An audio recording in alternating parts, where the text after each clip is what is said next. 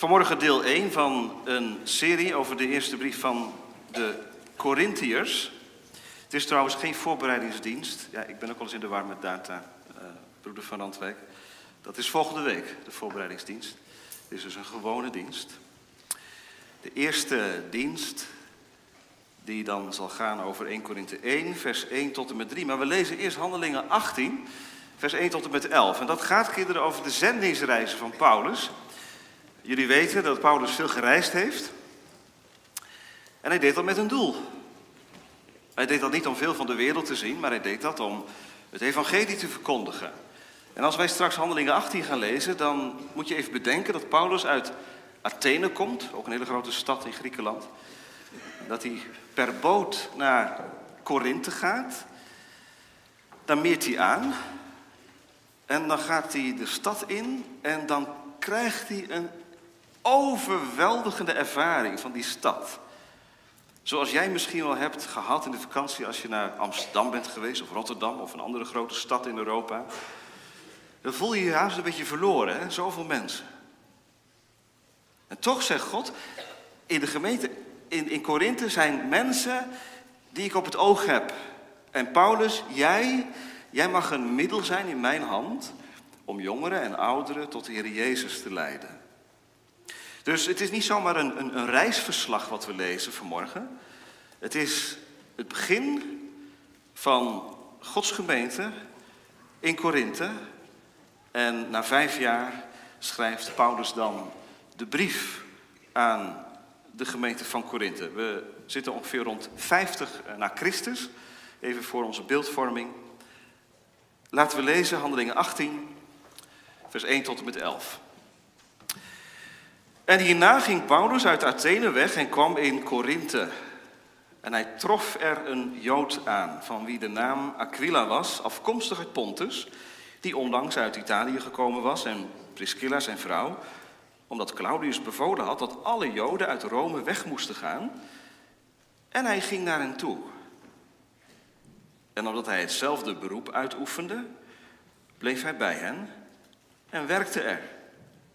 Want ze waren tentenmakers van beroep. En hij sprak iedere sabbat, even belangrijk, hij sprak iedere sabbat in de synagoge, daar begint Paulus.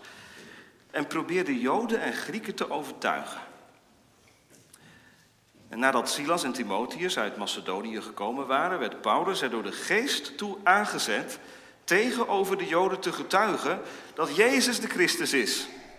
Maar toen zij zich verzetten en lasteden, schudde hij het stof van zijn kleren en zei tegen hen: Uw bloed zij op uw hoofd, ik ben rein. Vanaf nu zal ik naar de heidenen gaan. En hij vertrok vandaar en kwam in het huis van iemand met de naam Justus, die God diende, en van wie het huis aan de synagoge grensde. En Crispus, het hoofd van de synagoge, geloofde met heel zijn huis in de Here. En velen van de Corinthiërs die Paulus hoorden, geloofden en werden gedoopt. En de Heer zei s'nachts door een visioen tegen Paulus: Wees niet bevreesd, maar spreek en zwijg niet, want ik ben met u. En niemand zal de hand aan u slaan om u kwaad te doen, want ik heb veel volk in deze stad. En hij verbleef daar een jaar en zes maanden en gaf in hun midden onderwijs in het woord van God. Het begint in de synagoge, daar wordt Paulus uitgeworpen, maar uiteindelijk de geest trekt zijn eigen plan.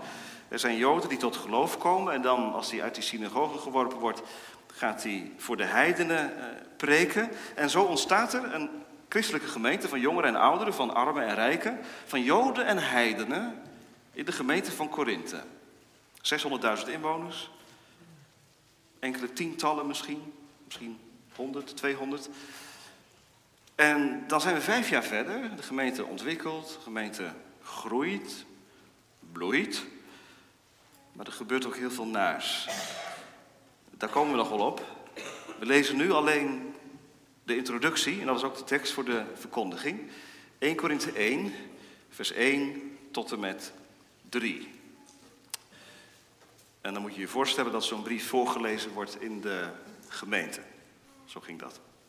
Paulus, een geroepen apostel van Jezus Christus door de wil van God, en Sosthenes de broeder aan de gemeente van God die in Korinthe is. Aan de geheiligden in Christus Jezus. Geroepen heiligen.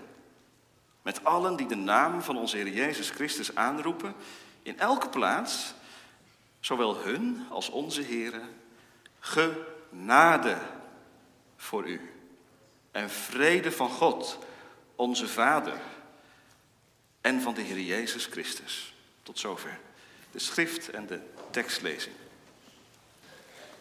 Ik weet hoe het vastgebouw van uw gunstbewijzen naar uw gemaakt bestek in eeuwigheid zal reizen. Psalm 89, vers 1 zingen wij naar de verkondiging. Psalm 89, vers 1. Een introductie vol genade. 1 Korinthe 1, vers 1 tot en met 3. We letten allereerst op gemeente in Korinthe. En dan letten we op de concrete context waarin die christelijke gemeente ontstond. Wat is dat voor stad, Korinthe? Wat trof Paulus daar aan? En ik hoop zoiets van het wonder te laten zien dat daar in die heidense stad een christelijke gemeente ontstond. Gemeente in Korinthe. In de tweede plaats gemeente van God. Want in vers 2 lezen we dat Paulus deze gemeente aanschrijft, zoals hij wel vaker de gemeente aanschrijft, als gemeente van Christus of gemeente van God. Dat is ze. En we letten dan ook op het vervolg van vers 2. En tot slot, gemeente met toekomst. Ja, zelfs deze gemeente, gehavend als ze is, met alle toestanden die er zijn, is een gemeente met toekomst. Paulus begint niet voor niets met de genade en de vredegroet, vers 3. Een introductie vol genade. Gemeente in Korinthe, gemeente van God, gemeente met toekomst. Gemeente van God Apeldoorn. De gemeente van Korinthe was de perfecte gemeente om vandaag nog afscheid van te nemen. De gemeente waar je niet langer meer lid wilde zijn. De gemeente om op af te geven. De gemeente om kwaad over te spreken. Ja, als de gemeente van Korinthe een website zou hebben, dan zou die er picobello uitzien. Welkom op onze website. Wij zijn een jonge, pas bestaande gemeente in onze gemeente zijn ouderen en jongeren. We zijn heel actief. In deze grote stad bent u welkom. Het gaat bij ons om het woord van God. Dat staat centraal. Op de eerste dag van de week komen we samen om te luisteren naar het woord van God. Dat is ons richtsnoer. Prediking vinden we heel belangrijk. We eten en drinken met elkaar. We zijn gastvrij en betrokken op elkaar. We zijn een gemeente waar u zich thuis zult voelen. Neemt u gerust contact met ons op. Dat is de voorkant. Zoals iedere gemeente een voorkant heeft en een website. Ook wij. Maar wat speelt zich allemaal achter de voordeur van deze gemeente af? Dat vraag je je ook wel eens af misschien, hè? Bij getrouwde stellen. Het plaatje klopt. Maar wat zit erachter? Je zou eens moeten weten wat achter die voorkant voor ellende en verdriet schuil kan gaan. Lijkt allemaal mooi, maar hoe is het echt? Dat vragen we ons ook af bij deze gemeente. Er staan twee brieven van Paulus aan de gemeente van Korinthe in de Bijbel. Er zijn er drie, in ieder geval drie, eh, verstuurd. Eén brief heeft de Heilige Geest niet in de kanon laten komen, de zogenaamde tranenbrief. In 1 Korinthe 5, vers 9 wordt eraan gerefereerd. Als je een Bijbel voor je hebt, kun je dat even met mij uh, opzoeken. 1 Korinthe 5, vers 9. Daar schrijft Paulus over die concrete zedeloosheid in de gemeente van Korinthe. Ik heb u geschreven in de brief. De zogenoemde tranenbrief. Die dus niet in de Bijbel staat. Deze brieven wel. En als er een brief in de Bijbel staat, dan is er ook wat aan de hand in de gemeente van Korinthe. Een, een brief, een preek is nooit bedoeld om tegen de gemeente te zeggen: wat is het toch fijn hè, dat we gemeente zijn met elkaar. En wat heerlijk hè. En wat goed. Wat voelen we ons gezegend. De gemeente van Korinthe is dé gemeente om vandaag nog afscheid van te nemen. Ja, er ontstond in 50 na Christus een gemeente, prachtig, een wonder. Paulus was een van de mensen die in de eerste eeuw, kinderen, zendingsreizen bedreef en het evangelie verspreidde in het Romeinse Rijk. Zo ook in Korinthe. Hij is daar met een boot aangekomen. In een van de twee havens die Korinthe heeft, is hij aangemeerd. En we lazen het. Hij begon in de synagoge te onderwijzen. En toen dat niet meer kon, is hij de heidenen gaan opzoeken. En de geest van God raakte velen aan. Handelingen 18. Daar staat het, hè, vers 8. Vele van de Corinthiërs die Paulus hoorden, geloofden en werden gedoopt. Het bewijs dat je hoorde bij de christelijke gemeente. Maar in de loop van de jaren, dat is niet eens zo heel lang hoor. Ik zei het al, hè, vijf jaar na het ontstaan van de gemeente is deze brief geschreven. Dus in vijf jaar is er heel veel aan de hand. Gaan andere winden waaien. En nu kleur ik het plaatje wat donker in. Naar aanleiding van de brief van Paulus. Die mooie, zelfbewuste gemeente die zich zo geweldig presenteerde op haar website. Dat is de gemeente waar verdeeldheid is. Omdat er een groep is die voor dominee A en een groep is die voor dominee B is. Doe mij die dominee maar. Nee, doe mij die dominee maar. Komen we nog wel op? Ik raak het alleen nu maar even aan. Verdeeldheid omdat er voorkeur is voor een bepaalde voorganger. Actueel, hè? Een gemeente die gefascineerd is door het bijzondere. Het woord van God, de prediking, ja natuurlijk, het staat bij ons centraal. Maar er zijn toch veel meer dingen. De geest van God is uitgestort. En geeft heel veel bijzondere ervaringen en gevoelens. Dat is eigenlijk veel mooier dan dat saaie onderwijs van Paulus. Altijd maar hetzelfde. Actueel, hè? Een gemeente waar morele verdorvenheid aan de oppervlakte komt. Paulus schrijft daar heel open over in hoofdstuk 5. Een gemeente waar seksuele losbandigheid in de gemeente aanwezig was. Actueel hoor. Ook vandaag. Een gemeente die zich niet laat gezeggen. Paulus zegt dat hij in zwakheid, in vrees en met heel veel beving in de gemeente van Korinthe heeft gewerkt. Weet je hoe dat komt? Onder andere hierdoor, omdat de gemeente van Korinthe het liefst eigen gezagsdragers heeft. En niet zo'n sukkel als, als Paulus. Die man ziet er niet uit, het is een onaanzienlijk mannetje. En hij zegt wel dat hij geroepen is, maar ja, laat hem dat bewijzen.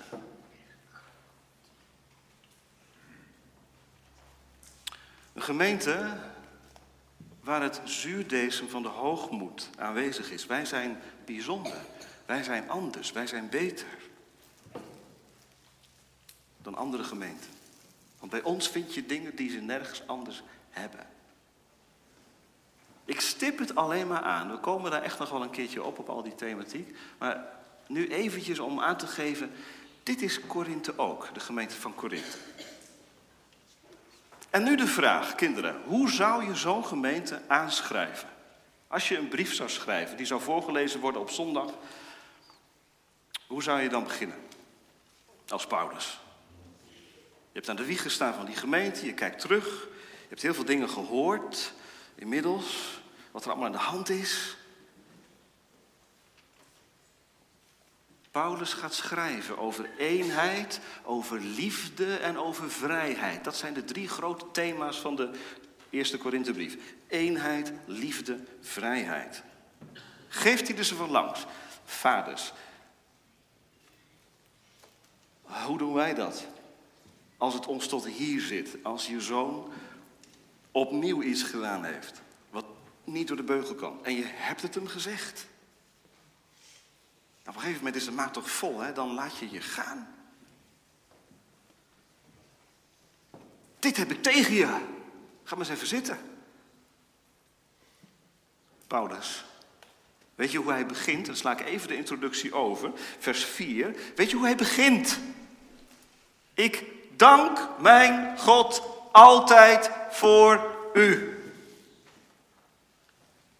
Vanwege de genade van God die u gegeven is in Christus Jezus. Daarom dank ik mijn God altijd voor u.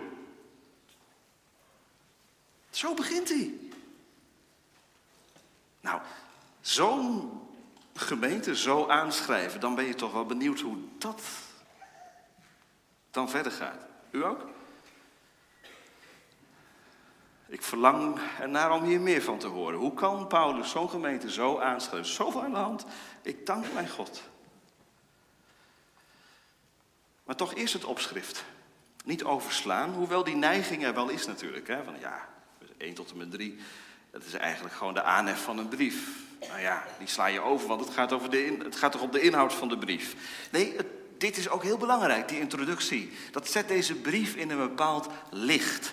Laten we het even bij langs gaan. Paulus, zo begint hij. Klinkt een beetje dominant, hè, voor ons. Paulus, met jezelf beginnen, dat doen wij niet. Daar hebben wij wat fijnere manieren voor om onszelf naar voren te duwen. Paulus, die deed het zoals iedereen dat in die tijd deed. Dit is gewoon de manier om een brief te schrijven. Dat was helemaal geaccepteerd. Je begon met jezelf, met de afzender. Paulus. Maar opvallend, niet alleen Paulus, maar ook Sostenes, de broeder, wordt in de bij de afzender gehaald. Wie is Sostenes? Ja, dat is nogal een lastige. Er zijn verklaringen die wijzen naar een overste van de synagoge in Korinthe. Deze Sostenes zou tot geloof gekomen zijn, een christen geworden zijn. De Sostenes is een Corinthiër. Mogelijk begint Paulus met Sostines om vertrouwen te wekken. Deze brief wordt gedragen door mijn secretaris, Sostines. Ik dicteer, hij schrijft. Samen, ik als zendeling, als evangelist, Sostines als een van jullie, samen delen wij deze brief met u. Dat moet vertrouwen gewekt hebben. Paulus, nou daar hadden ze wel een mening over hoor, in Korinthe. Doe mij Apollos maar. Dat is meer vuur. Maar Sostines, ja, dat was een van hen. Ook wel mooi dat Paulus zichzelf niet alleen presenteert. Hè? Paulus en Sostines samen. Paulus regeert niet vanuit een ivoren toren de gemeente, dicteert niet hoe het moet en hoe het zal, maar heeft draagvlak blijkbaar onder de broeders. Paulus is niet een man die boven iedereen staat, maar Paulus staat naast Sostenes, een spiegel voor ieder christen. Wat voor functie je ook hebt in de maatschappij of in de kerk. Ja, zegt iemand, maar Paulus die presenteert zich toch wel als geroepen apostel. Hè? Daar gaan we nu even naar kijken. Dat staat ook in vers 1. De gemeente van Korinthe wordt geschreven, aangeschreven door Paulus, een geroepen apostel, een gezondene, betekent dat letterlijk. Van Jezus Christus door de wil van God. Ja, inderdaad, want Paulus was er echt niet opgekomen om naar Korinthe te gaan, jongens en meisjes. Als je dat aan Paulus gevraagd zou hebben, zou hij niet naar Korinthe gaan. Maar het is de Heilige Geest geweest die Paulus die richting opgeduwd heeft. Letterlijk, door de wind.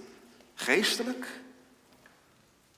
Door hem duidelijk te maken, daar moet je heen. Van Athene gaat het naar Korinthe. En waarom presenteert hij zich als geroepen apostel? Dat weet iedereen toch wel dat hij apostel is? Ja, maar daarmee zet hij wel de toon. Wat Paulus nu gaat schrijven is niet duimzuigerij, dat vindt hij niet persoonlijk. Maar dat zegt hij namens een zender. Ik ben een gezondene, een apostel, ik ben geroepen. Hij verwijst hier, dat weten jullie wel kinderen, naar dat moment waarop Paulus, Saulus, door God gearresteerd werd. Zo kan dat gaan in je leven. Je kunt heel geleidelijk tot geloof komen, geleidelijk tot Christus gaan. Je kunt ook gearresteerd worden. Bij sommige mensen is dat ook echt nodig. Dat je in je nekvel gegrepen wordt. Dat je stilgezet wordt. En nu is het voorbij. Kies heden wie je dienen zult. Nou, Paulus, het was in één keer voorbij met hem. Hij is geroepen, gearresteerd, zijn zonde leren kennen, Jezus Christus aangeroepen, verlossing ontvangen. En wat zei God tegen hem? Jij gaat mijn naam brengen naar de heidenen. Dat kunt u lezen in Handelingen 9, vers 15. Hele belangrijke tekst. Ik moet de naam van God aan de heidenen brengen. Dat is de missie van Paulus. Daartoe is hij geroepen. Ja, maar dan kun je toch, uh, dat, dat is toch heel breed, heel breed begrip. Er worden overal heidenen. Ja, maar de geest stuurt het zo dat Paulus weet waar hij wezen moet. Het zij door een visioen, het zij door overleg met anderen, het zij door de wind die draait. Paulus weet waar hij wezen moet en zo is hij in Korinthe gekomen.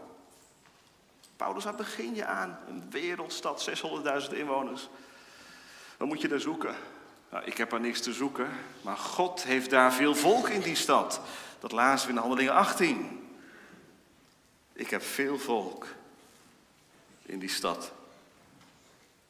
Het moet, gemeente. Zo gaat dat met mensen die geroepen worden in de dienst van het koninkrijk. Zitten er hier die dat ervaren? De noodzaak is je opgelegd om je leven te besteden in de dienst van de Heer. misschien is deze zondag wel de zondag waar God jou duidelijk gaat maken. Want dit aspect komt vanmiddag ook aan de orde, daarom zeg ik het ook. Dat God jou duidelijk gaat maken, het moet een andere kant op in jouw leven. Paulus zegt over de gemeente van Korinthe, de noodzaak is mij opgelegd om daar te preken. 1 Korinthe 9, vers 16. Zo is hij gegaan. Het moet. God roept mij. Het kan hè. Dat je eigenlijk niet wil en toch moet. Bevend en sidderend. Want denk niet dat Paulus daar als een krachtpatser het woord van God verkondigd heeft. Nee, hij zegt, ik, ik beef en ik sidder. Maar ik mag het doen, 1 Korinthe 2 vers 4 in betoning van geest en kracht. Ik was bij u in zwakheid, vers 3, met vrees en veel beven. En mijn spreken en mijn prediking bestonden niet in geweldig, retorisch, overtuigende woorden van menselijke wijsheid. Maar de mensen ervoeren, hier werkt de geest van God.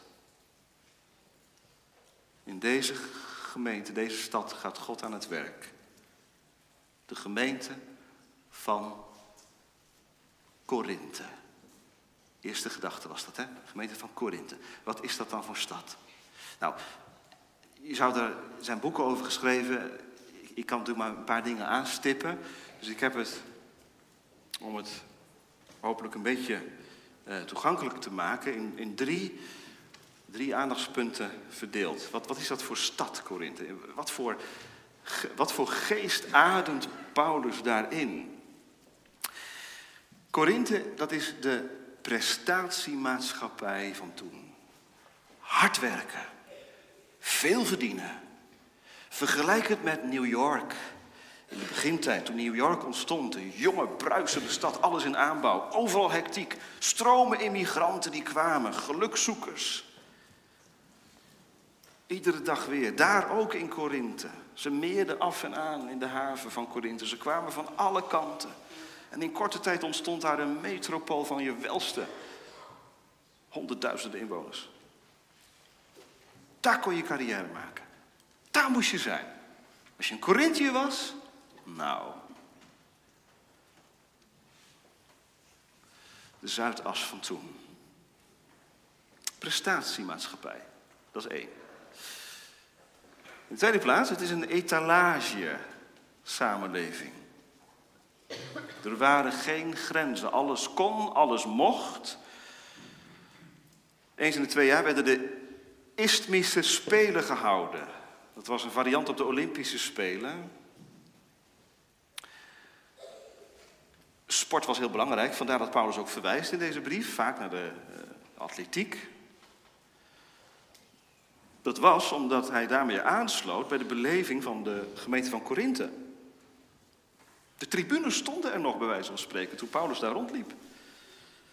Etalages samenleving. Wij zijn geweldig, wij trekken de sport naar ons toe. En ja, dan kon je in je naki, want zo ging dat.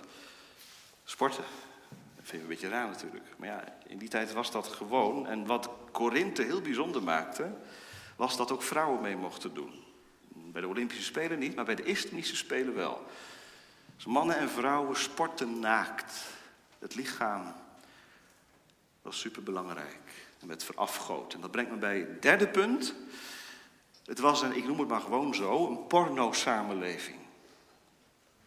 Het woord kenden ze in die tijd ook wel. Er was een spreekwoord in die tijd. Als een Corinthieren leven. Als je als een Corinthiër leefde, dan haalde je uit het leven wat erin zat. Corinthiërs stonden bekend om hun losbandigheid. De rosse buurt van Amsterdam, maar dan zonder controle, zonder grenzen. Alles kon, alles mocht. Er was zelfs een tempel voor Afrodite waar duizenden mannen, jonge mannen naartoe gingen overdag om seks te bedrijven. Met mannen en vrouwen. Seks was geaccepteerd. Liefde, men wist niet wat het was. Lust wel. Eén citaat van een um, tijdgenoot, Demosthenes, misschien wel eens van gehoord, om even te proeven wat Korinthe is.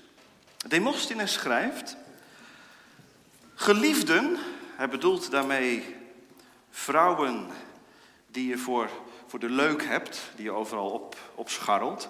Geliefden hebben wij voor ons plezier.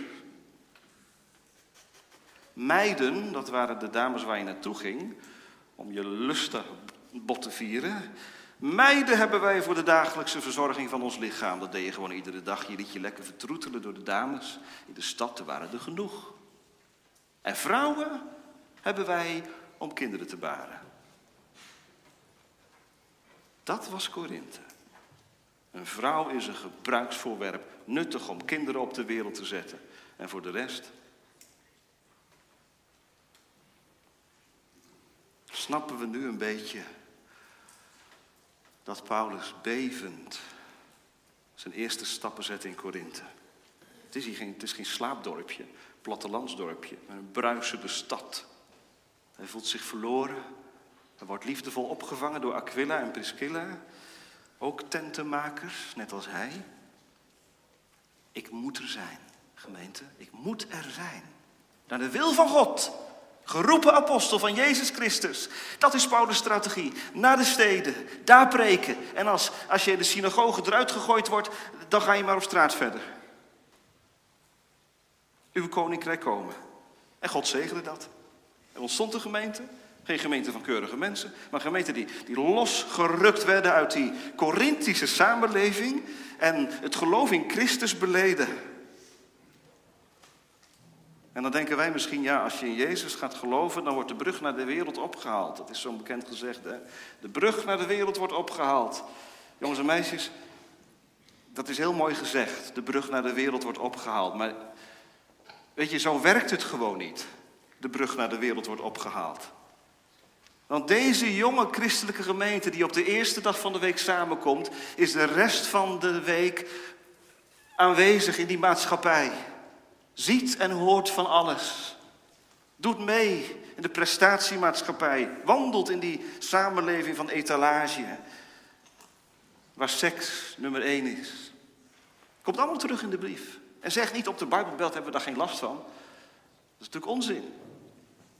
Wij zijn ook gemeente in een forse, fors dorp, officieel geen stad, waar al deze invloeden aanwezig zijn. En onze jongens en meiden die hebben hiermee te maken.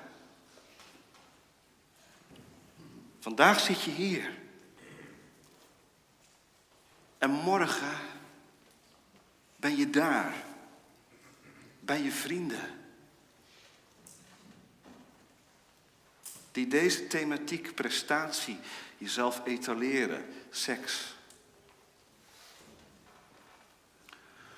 met jou delen.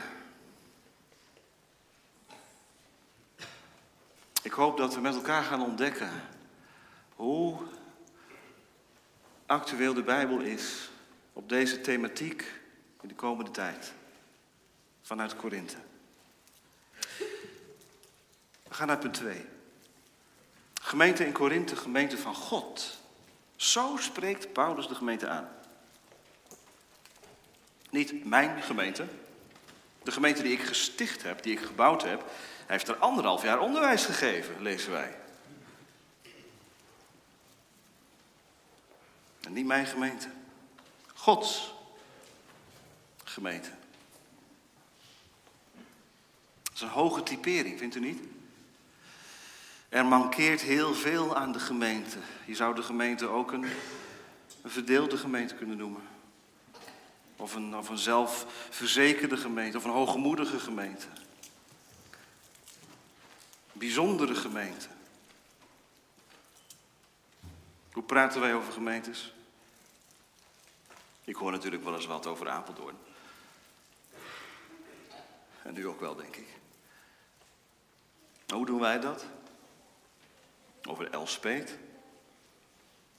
Om maar iets te noemen. Kun je er ook heel veel over zeggen. Geliefd gespreksonderwerp, gemeenten, ja. Kleur ze maar in, de gereformeerde gemeente, de christelijk gereformeerde, licht, zwaar, rechts, links, enzovoort. Gemeente van God. Misschien viel het u op, misschien ook niet, maar ik sprak u vanmorgen zo aan. Dat doe ik nooit. Maar in de voorbereiding van deze preek dacht ik, ik hoor het eigenlijk te doen, iedere zondag. U, jou aan te spreken als gemeente van God. Dat is wat je bent, hè? Dit zijn we. Gemeente, ecclesia. Uit de wereld. Gehaald, geroepen. We zitten hier niet zomaar bij elkaar. We zijn niet toevallig bij elkaar. We zijn uitgeroepenen. Dat woord ecclesia heeft een oud-testamentische achtergrond. Het volk van Israël was ook het volk wat God uitverkoos. Niet omdat het geweldig was, omdat het beter was, maar omdat God het deed, omdat God het wilde. De gemeente van God, je bent niet beter dan de rest, maar je bent geroepen uit de duisternis tot het licht. Ben je dat? Ik ga straks die vragen nog een paar keer stellen. Maar dit ben je van God uit. Dit zijn wij, gemeente. Gemeente van Christus, gemeente des Heren, gemeente van God. Hij is de eigenaar. Dat bedoelt Paulus te zeggen. De vader verkoos in de, in, in, in de stad Korinthe een gemeente, een meisje van twintig dat haar lichaam verkocht aan jongens en mannen. Hoorde het onderwijs van Paulus, kwam tot geloof en werd gedoopt en maakte onderdeel uit van de gemeente van Korinthe. Een man, havenarbeider, ruw, vloekend. Hij hoorde van het onderwijs van Paulus. Hij kwam tot geloof. Hij werd bij de gemeente betrokken. Een wettische Jood die zijn leven lang in traditie en regels leefde. Ontdekte de vrijheid in Christus en werd deel van de gemeente van Korinthe. Zo ging dat, zo gaat dat. Zo gaat dat nog. Gemeente van God de Apeldoorn. U bent niet mijn project of het project van de kerkenraad. Deze gemeente is niet van jou of van u. Niet van een groep. De gemeente is van God. Hij is de eigenaar. We hebben te luisteren naar Hem. De gemeente van God staat. Lidwoord. Paulus, er zijn toch veel meer gemeentes? De Corint Corinthische gemeente is een gemeente van God. Nee, het is de gemeente van God. Er is maar één gemeente. De deze kerk komt de gemeente van God ook samen. En op alle plaatsen waar het woord van God eerbiedig gelezen en verkondigd wordt en men daarachter schuil gaat en men niet heerst over het woord, daar is de gemeente van God. Geef je me de gemeente van Apeldoorn, noem maar op. En die heeft zijn eigen cultuur, dat is waar. Maar Paulus trekt ons daar bovenuit. Heerlijk. De gemeente van God. Die kerkscheuring, die kerknamen, wat wij er allemaal van gemaakt hebben. Dat is mensenwerk. Het is de gemeente van God. Calvijn wijst in zijn commentaar erop dat het een verzoeking is om te denken dat er geen sprake kan zijn van een kerk of een gemeente als er geen volmaakte zuiverheid is. Dat is de eeuwen door altijd de verzoeking geweest van kerkmensen. Ze vonden dat het in de gemeente onzuiver werd. En daarom gingen ze maar weg naar een andere gemeente. Of gingen ze helemaal niet meer naar de kerk. De gemeente van God. Ja, daar kunnen dwalingen zijn, zoals in Korinthe de gemeente van God. Dat bent u.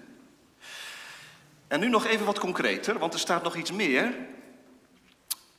De gemeente van God die in Korinthe is, maar die bestaat niet uit alleen een, een collectief, een groep, maar die bestaat uit mensen, geheiligden in Christus Jezus, geroepen heiligen. Dat is het tweede wat ik wil benadrukken bij dit tweede punt van de preek. Geheiligden in Christus Jezus. Zo worden deze mensen aangesproken. Zo wordt ook de persoon aangesproken die onder de preek van Paulus zit en die in 1 Korinthe 5, vers 1 staat het, het met de vrouw van zijn vader houdt. Je bent een geheiligde in Christus Jezus, beste man. Ja, maar moet je zijn leven zien? Nee, dit ben je van God uit, geheiligd in Christus Jezus. Zo word je aangesproken vanmorgen. Ben je het ook? Leef je ook zo? Je bent apart gezet. Geheiligd betekent apart gezet. Zoals, um, nou laat ik het met een voorbeeld proberen duidelijk te maken. Kinderen, jouw moeder heeft allerlei um, voorwerpen in de keuken die ze gebruikt om het eten klaar te maken. Stel dat je die voorwerpen pakt en je gaat er in de tuin mee graven. Dat vindt ze niet leuk. Wat zegt ze dan? Ja, maar dat is niet de bedoeling, want die voorwerpen die zijn voor in de keuken bedoeld. Hier heb je een schep, ga maar graven. Geheiligd in Christus Jezus, geroepen heiligen. Gemeente, hier pauzeren we even, want dit is heel belangrijk. Bent u dat? Ben je dat? Wat heb je eraan als je in de ledenadministratie staat? Als mensen je kunnen vinden in de Scipio-app, maar je naam is niet bekend bij God, ben je een levend lidmaat. Je bent ingeschreven in de gemeente? Mooi. Mooi. Je volgt categorisatie? Prachtig. Je hebt gedaan. Een zegen. heb je een levende band met de Heer Jezus Christus. Want je bent alleen een echte christen als je leeft uit de wijnstok, gemeente. Er zijn ook dode ranken hoor. En dat zeg ik niet om je bang te maken, maar ik zeg het wel omdat Jezus het zo zegt. Er zijn dode ranken in de wijnstok. Schijnchristenen, huigelaars, zoals Judas in de discipelkring. Hij liep mee, hij sprak mee, hij bad mee, hij vierde het avondmaal mee. Hij kende Jezus niet. Ben je geheiligd in Christus Jezus? Ken je Hem? Nog steeds weer de vraag die terugkomt. En je mag niet neutraal blijven. En daarom is het goed dat de gemeente aangesproken wordt niet op haar conditie, wat er allemaal speelt en zo, maar op haar positie, wat ze is van God uit. U bent geheiligd in Christus Jezus. Is er de levende band door het geloof met Christus Jezus? Ben je geroepen uit de duisternis tot Gods wonderbaar licht? Dat is de aanspraak en de claim van God de Vader vanmorgen. Of bestaat het dat je al jarenlang in de kerk zit en de Jezus niet kent? Dat je naar catechisatie gaat? En je hebt een hoofd vol informatie, maar geen levend geloof. Kinderen, daar gaat het om. Dat je Jezus lief hebt. En ik zal aan het eind van de preek zeggen hoe dat kan. Hoe dat dan gaat. Maar nu even het accent dat het nodig is. Tot slot, Paulus zegt er nog iets bij. Hij schrijft, u bent gemeente van God in Korinthe, samen met allen die de naam van onze Heer Jezus Christus aanroepen. In elke plaats, waar ze ook wonen. Athene, Rome, Apeldoorn. Zowel hun als onze heren. Prachtige omschrijving. Gemeente, zijn we zo? Hoe staan we bekend? Hoe sta ik bekend? Ben ik iemand die de naam van onze Heer Jezus Christus aanroept? Is dat de reden waarom je hier vanmorgen bent? Waarom zou je naar de gemeente komen? Geloven kun je toch ook op jezelf. Het gaat toch om de persoonlijke band met God. Ja, maar die kan nooit los bestaan van een gemeente. Daar is in de Bijbel absoluut geen ruimte voor. Echt niet. Ik begrijp, ik kan erin komen, dat mensen beschadigd de kerk verlaten. Ik heb wel eens verhalen gehoord, inderdaad. Maar je kunt je niet losweken van het lichaam. Samen met de gemeente, dat is de bedoeling. Samen met de kerk, samen met de kerk van alle tijden en plaatsen.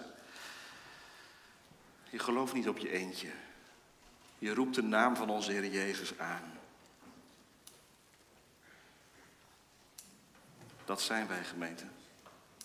Dat zou eigenlijk op ons bordje moeten staan. Niet herstelte van de gemeente Apeldoorn of Victorkerk, maar plaats waar jong en oud de naam van de Heer Jezus Christus aanroept.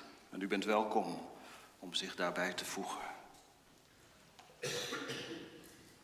Paulus die schrijft dit bewust aan de gemeente van Korinthe, omdat in de gemeente van Korinthe een clubjesgeest heerst. Wij zijn de gemeente van Korinthe.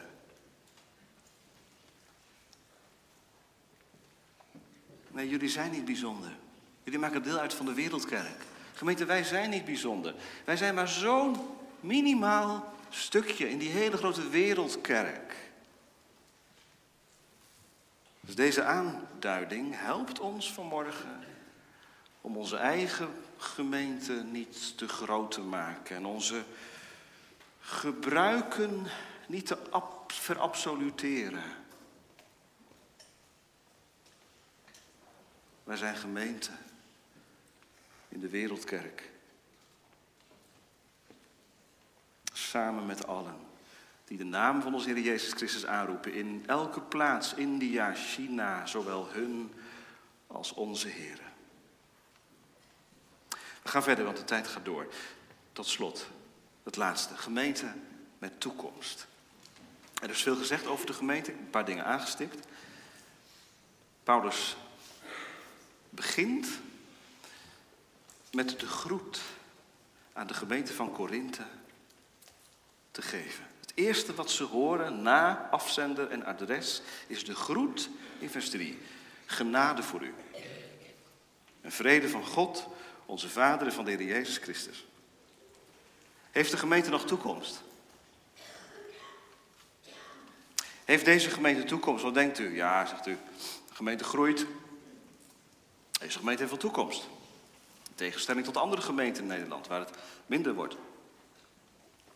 En in Apeldoorn. Heeft de gemeente nog toekomst? Gaat het over getallen dan? Zeker niet in de eerste plaats. En daar gaat het hier ook niet over. De gemeente heeft toekomst. Weet je waarom? Omdat er genade en vrede is.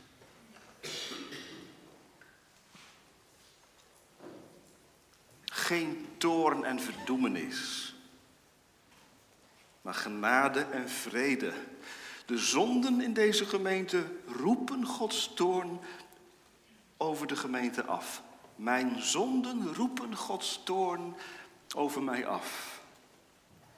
Maar vanmorgen heb ik voor u namens God genade en vrede, schrijft Paulus. En ik mag het hem vanmorgen, 2000 jaar later, nazeggen.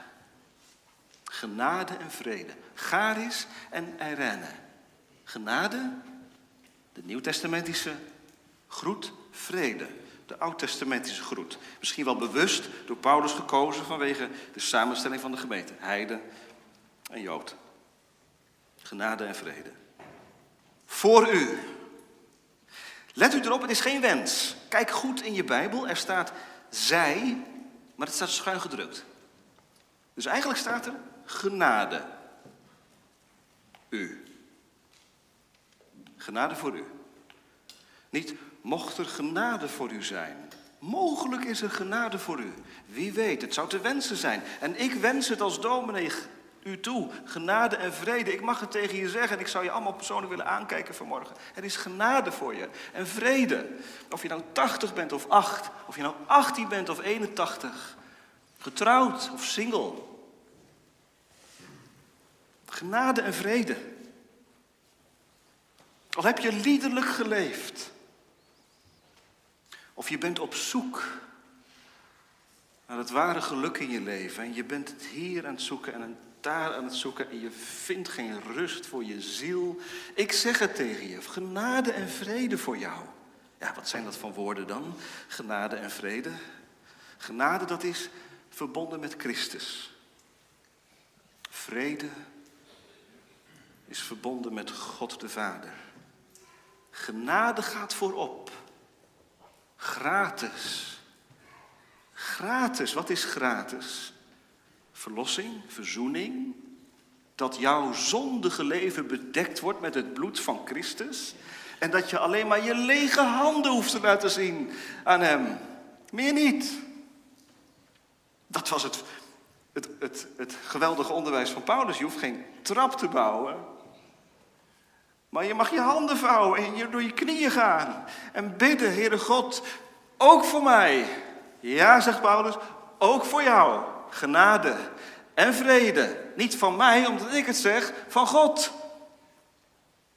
Want er heeft een kruis in deze wereld gestaan. Jezus Christus is een verzoening voor onze zonde. Dat was de inhoud van de prediking van Paulus, lezen wij in 1 Korinthe 1. Het kruis. Ik mag vanmorgen het kruis opheffen. En aan het kruis heeft iemand gehangen in jouw plaats. Voor jou. Jij had daar moeten hangen, ik had daar moeten hangen. Maar hij deed het. En ik zeg tegen je, er is genade voor je. En genade betekent, je hoeft het niet te verdienen. Je hoeft niet aan het werk, je wordt niet aan het werk gezet. Je mag, als je 12 bent, of als je 21 bent, als je niet weet wat je met je leven aan moet, vanmorgen zeggen, ik heb het gehoord. Het geloof is uit het gehoor. Ik heb het gehoord, er is genade. Ik roep God aan, ik roep Jezus aan. Genade en vrede. Weet je wat er gebeurt als je van genade gaat leven?